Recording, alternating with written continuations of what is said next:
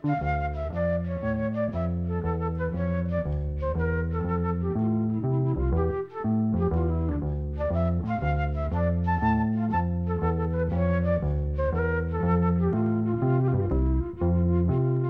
sæl. Árið 1971 komið til landsins tónlistamennir Seals and Crofts eða Seals og Crofts sem hafðu tveimur árum fyrr byrjað að skemta saman undir ættanöfnum sínum. Þeir héttu réttunöfnum James Eugene Seals, var kallaði Jimmy Seals og Darrell George Crofts, kallaði Das Crofts. Jimmy Seals spila á gítar, fiðlu og saxofón og Das Crofts spila á piano, gítar og mandolín en hafði uppalega verið trommuleikari. Þeir kynntust um 1958 þegar þeir voru í sömu hljómsett í Gagfræðaskóla. En tíu ára setna fetuðu svipaða braut og Simon og Garfunkel og fóru að semja sína eigin tónlist og þróa hana í þjóðlaga rockstíl. Þeir komu fram í Háskóla bíói 13. april 1971 á ókipist tónleikum sem Bahæi samtökun á Íslandi stóðu fyrir en þau voru þá til döla nýstofnuð, höfðu starfað í nokkur ár. Þeir komu sem sagt fram á þessum tónleikum tveir með einum auka hljóðfærarleikara, bassaleikaranum Bobby Lichtig og komu flestum sem að sáti í salnum verulega ávart með tónlistsinni og flytningi. Þarna voru um 1000 gestir mættir sem vissi í rauninni mjög lítið sem ekkert um þessa bandarísku tónlistamenn frá Texas, annað en það að þeir bóðu mannkærleika, einingu allra kynþátta, trúabræða og stjórnmálurhefinga og alheims frið í anda bahægi trúarinnar með tónlist sinni. Heyrum lagið Assis in the Snow.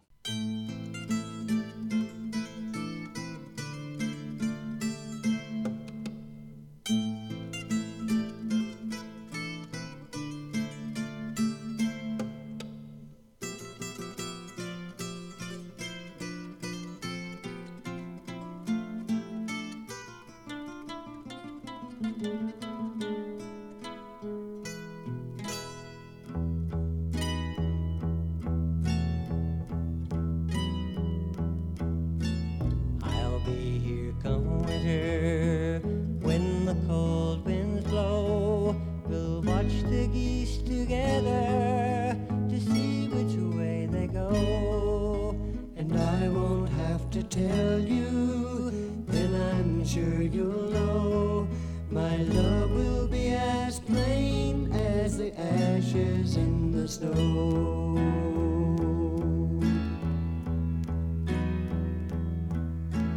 I'll be here beside you when the grass is gone.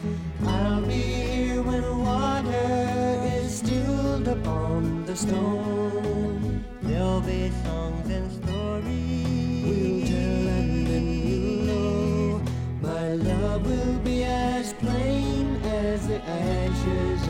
Snow. Ashes in the snow, ashes in the snow. My love will be as plain as the ashes in the snow.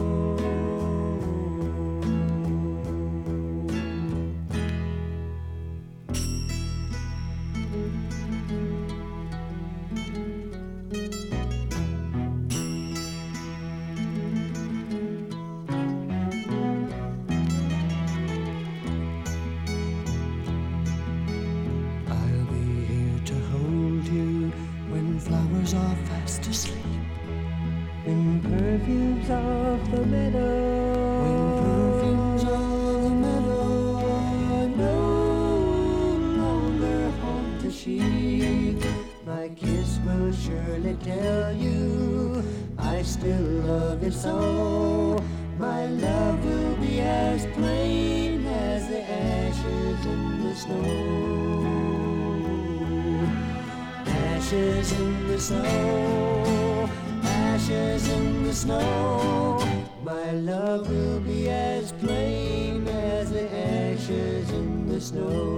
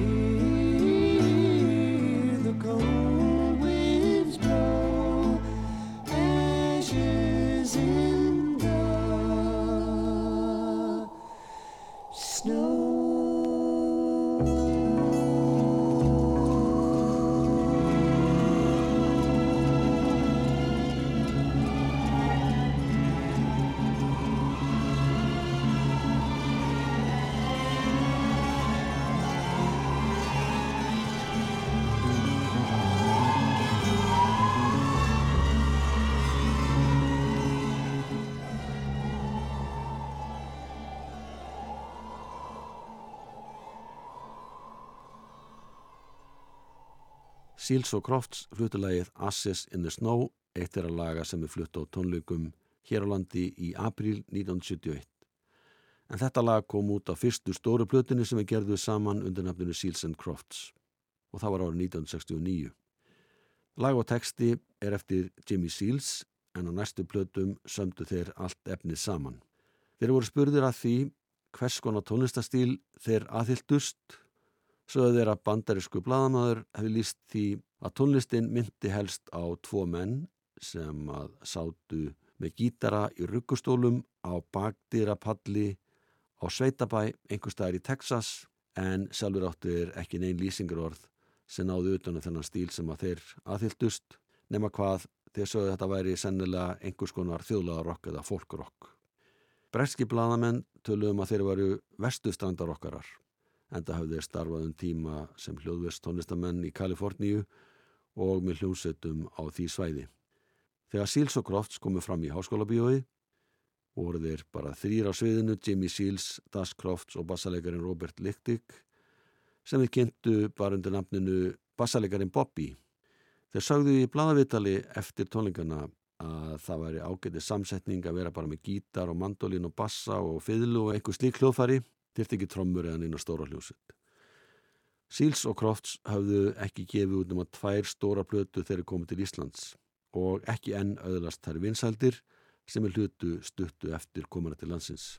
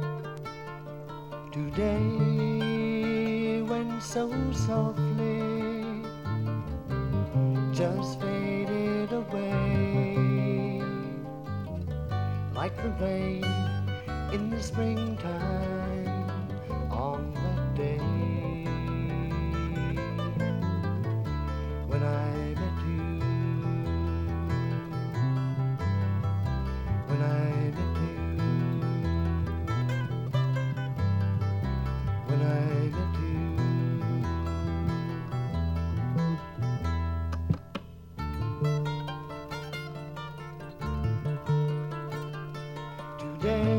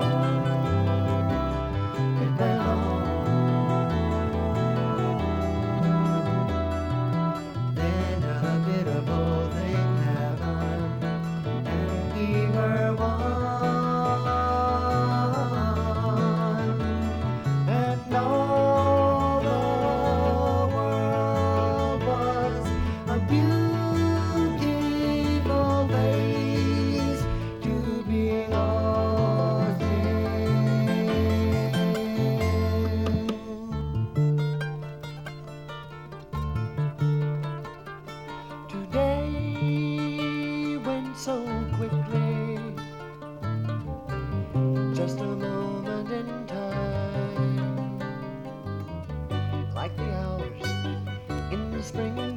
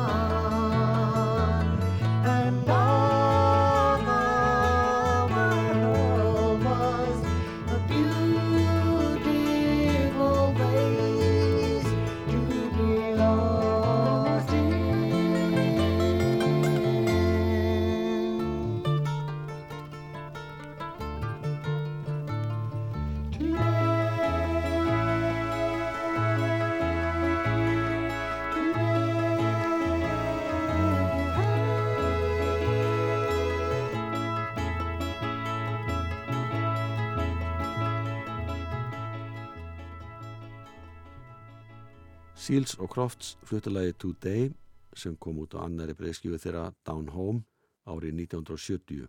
Þarna komu helstu enginni þeirra sterklega fram, rattaðu söngur og látlaus hljófarleikur og fína lagasmíðar. Þeim hafi tekist að vekja talsverða aðtegli með tónsmíðin sínum í bandaríkjunum, komið fram í útas- og sumastáttum vísaðan bandaríkinn og víða í háskólum þar sem er nutu talsverða vinsalda. Þeir voru á leiðinni til Evrópu þegar komið til Íslands voru 1971 og fylltu háskólabíó. Þráttur er einfallleikan á tónleikunum í háskólabíói, þar sem þeir voru bara þrýr á sviðinu, voru þeir með heila hljónsett á fyrstu stóruplötinu eins og heyrist í læginu See My Life sem er eftir Jimmy Seals, lag frá árunni 1969. Þarna eru miklu mistarar á ferð með þeim, Jim Gordon leikur á trommur, Louis Shelton á bassa og Viktor Feldman á slagverk. Bill Holman og hljónsett hans fylla svo upp í myndina með strengjaleik, þverflötu og fleiri hljóðfærum. Oh, you rush to and fro to attain, though you dwell upon the shore of mystery. The voice you should have heard is in a letter of the word. Come with me, dear friends, and you'll see. See my life was yesterday. See my life as it was today. Take my hand and I will show you. Within the moment lies a mystery. Oh, you seek here and yon in your quest and arrive at the hour of regret. Come fly without distress to the shelter of the nest. Close your eyes, your ears, and forget. Forget life as it was yesterday.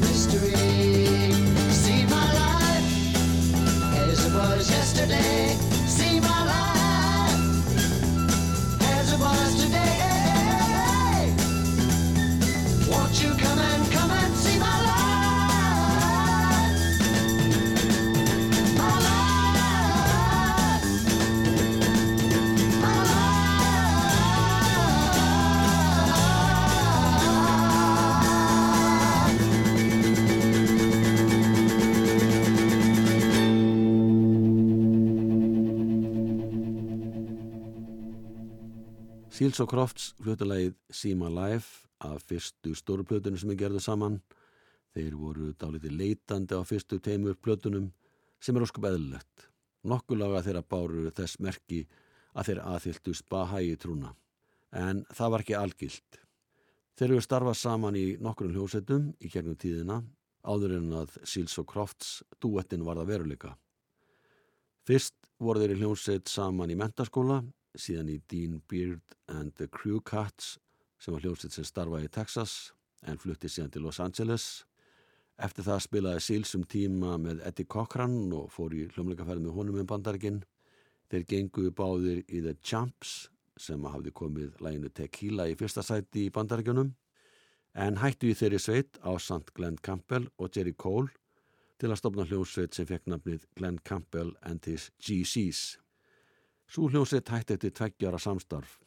Þá gekk Jimmy Seals í hljómsveitina Dawnbreakers Þar voru nokkur í Bahajar og þegar Das Crofts gekk líka til Lissi sveitina tókuður báður upp Bahajatrú og stopnuðu stuttu setna Sílsen Crofts duettinn í framhald af því að Dóm Breykes hættu. Þeir gá út aðra breyskjöfu sína voru þeir enn að leita fyrir sér varandi það hvers konar tónlist hentaði þeim best. Lægið Riding Thumb er fyrsta lægið á hlið eitt á þessari breyskjöfu. Hún fekk fína dóma, var hælt á hvert reypi en salan var ekki samræmi við dómana sem þið fengu. Við heyrum nú lagið Riding Thumb, þar sem er njóta aðstóðar ímessa hljófaraleikara sem er hafðu starfað með í hljóðurum og þar að meðal er rafgítaleikarin John Hall, pianistinn John Simon, orgaleikarin Paul Harris og bassaleikarin Eddie Ritz.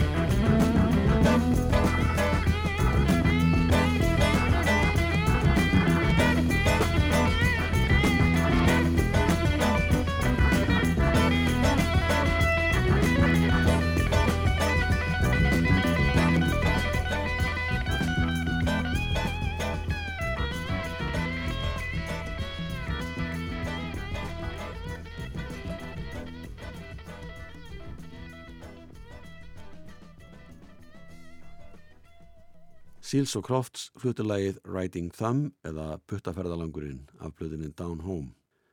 Þeir hafði engungu gert tvær stóra blötu þegar ég heldur tónlingarna hér á landi 13. april 1971 og setjumplatan var til dæla nýlega komin út hafði vakið talsir aðtikli ráðamanna hjá Warner Brothers útgáfinni sem voru samfærdir um að þessir tímenningar ættu eftir að slá í gegn og ná langt. Warner útgáfan bauðin plötusamning sem var undirreitaðar í ágúst 1971 og þeir byrjaði að vinna að plötun í Los Angeles, heldur síðan áfram í Lundunum þar sem platan var kláruð.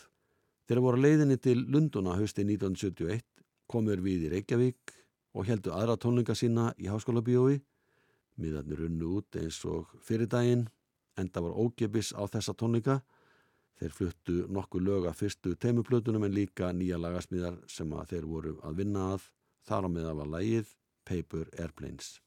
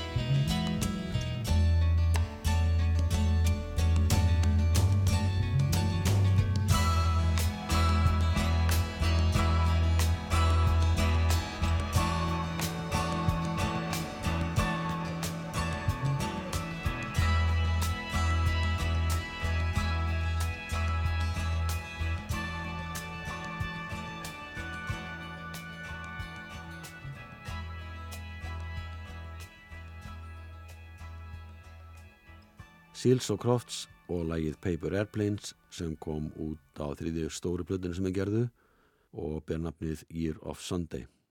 Þetta var fyrsta plattan sem er gerðu á vegum Warner Brothers útgáðunar og plattan var enni vinslu þegar komu til Íslands í annarsinn í september 1971 til að spila fyrir íslenska aðdáðundu sína og líka bræðu sín og sýstur í Bahæja Trú en það var fjöldi þeirra komið til landsins. Seals og Crofts hafðu egnast marga digga aðdáðundu þegar spiluðu í april þetta sama ár á Íslandi. Þá hafðu verið gefnir hátt í 1000 miðar til þeirra sem vildu þykja þá og eina skiliðið sem varðu uppfylla var að vera orðin 16 ára gamall þegar tónleikarnir fóru fram. Og það vildi svo vel til að ég var akkurat orðin 16 ára gamall, var 16 ára í februar, tónleikarnir voru í april, þannig að ég fekk miða og var virkilega ánaði með tónleikarna. Þegar Seals og Crofts komi aftur til Reykjavíkur í september 1971 var það í tengslu við alþjóðar ástefnum Bahæja sem var haldinn það ár á Íslandi og hófst rástefnan förstu daginn 3. september.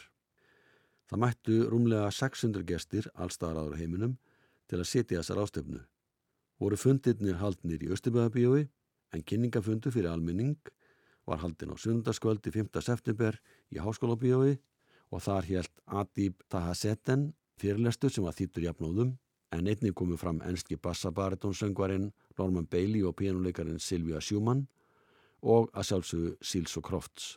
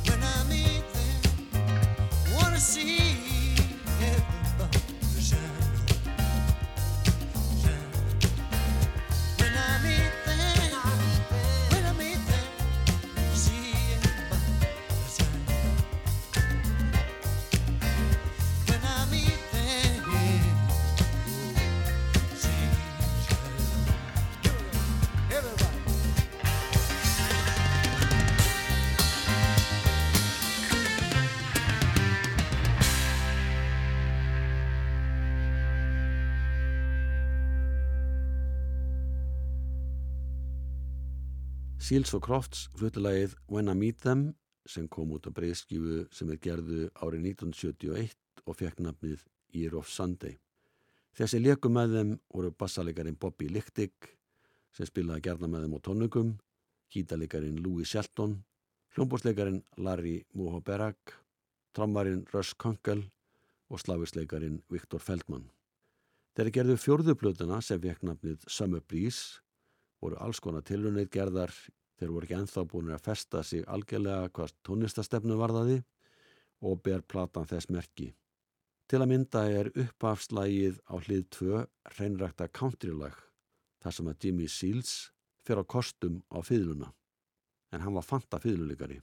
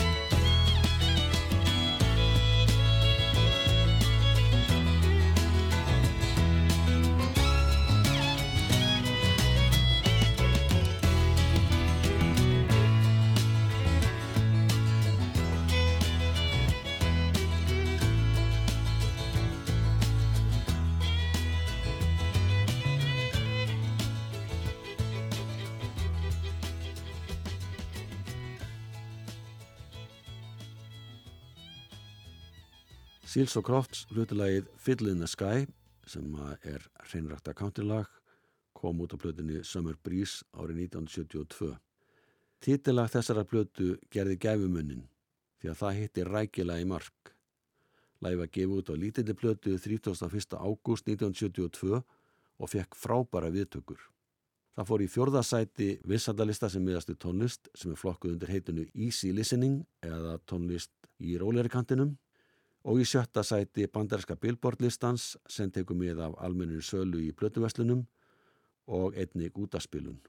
Þar með voru Seals og Crofts komnir í þá stöðu sem þeir höfðu óskað sér og stemt að í þrjú ár.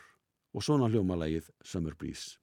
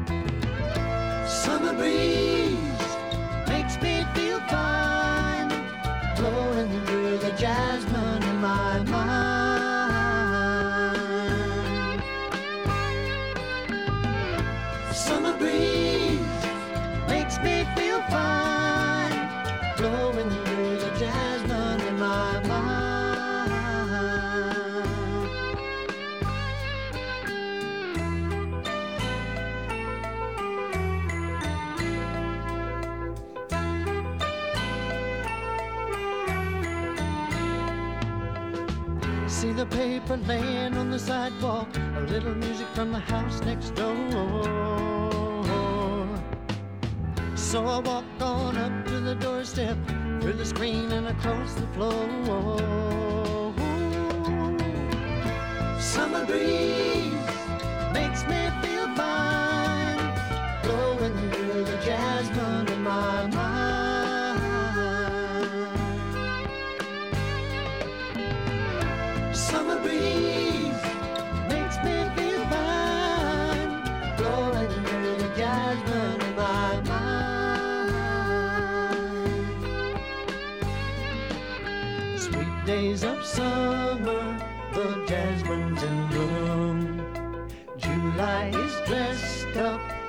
playing her tune, and I come home from a hard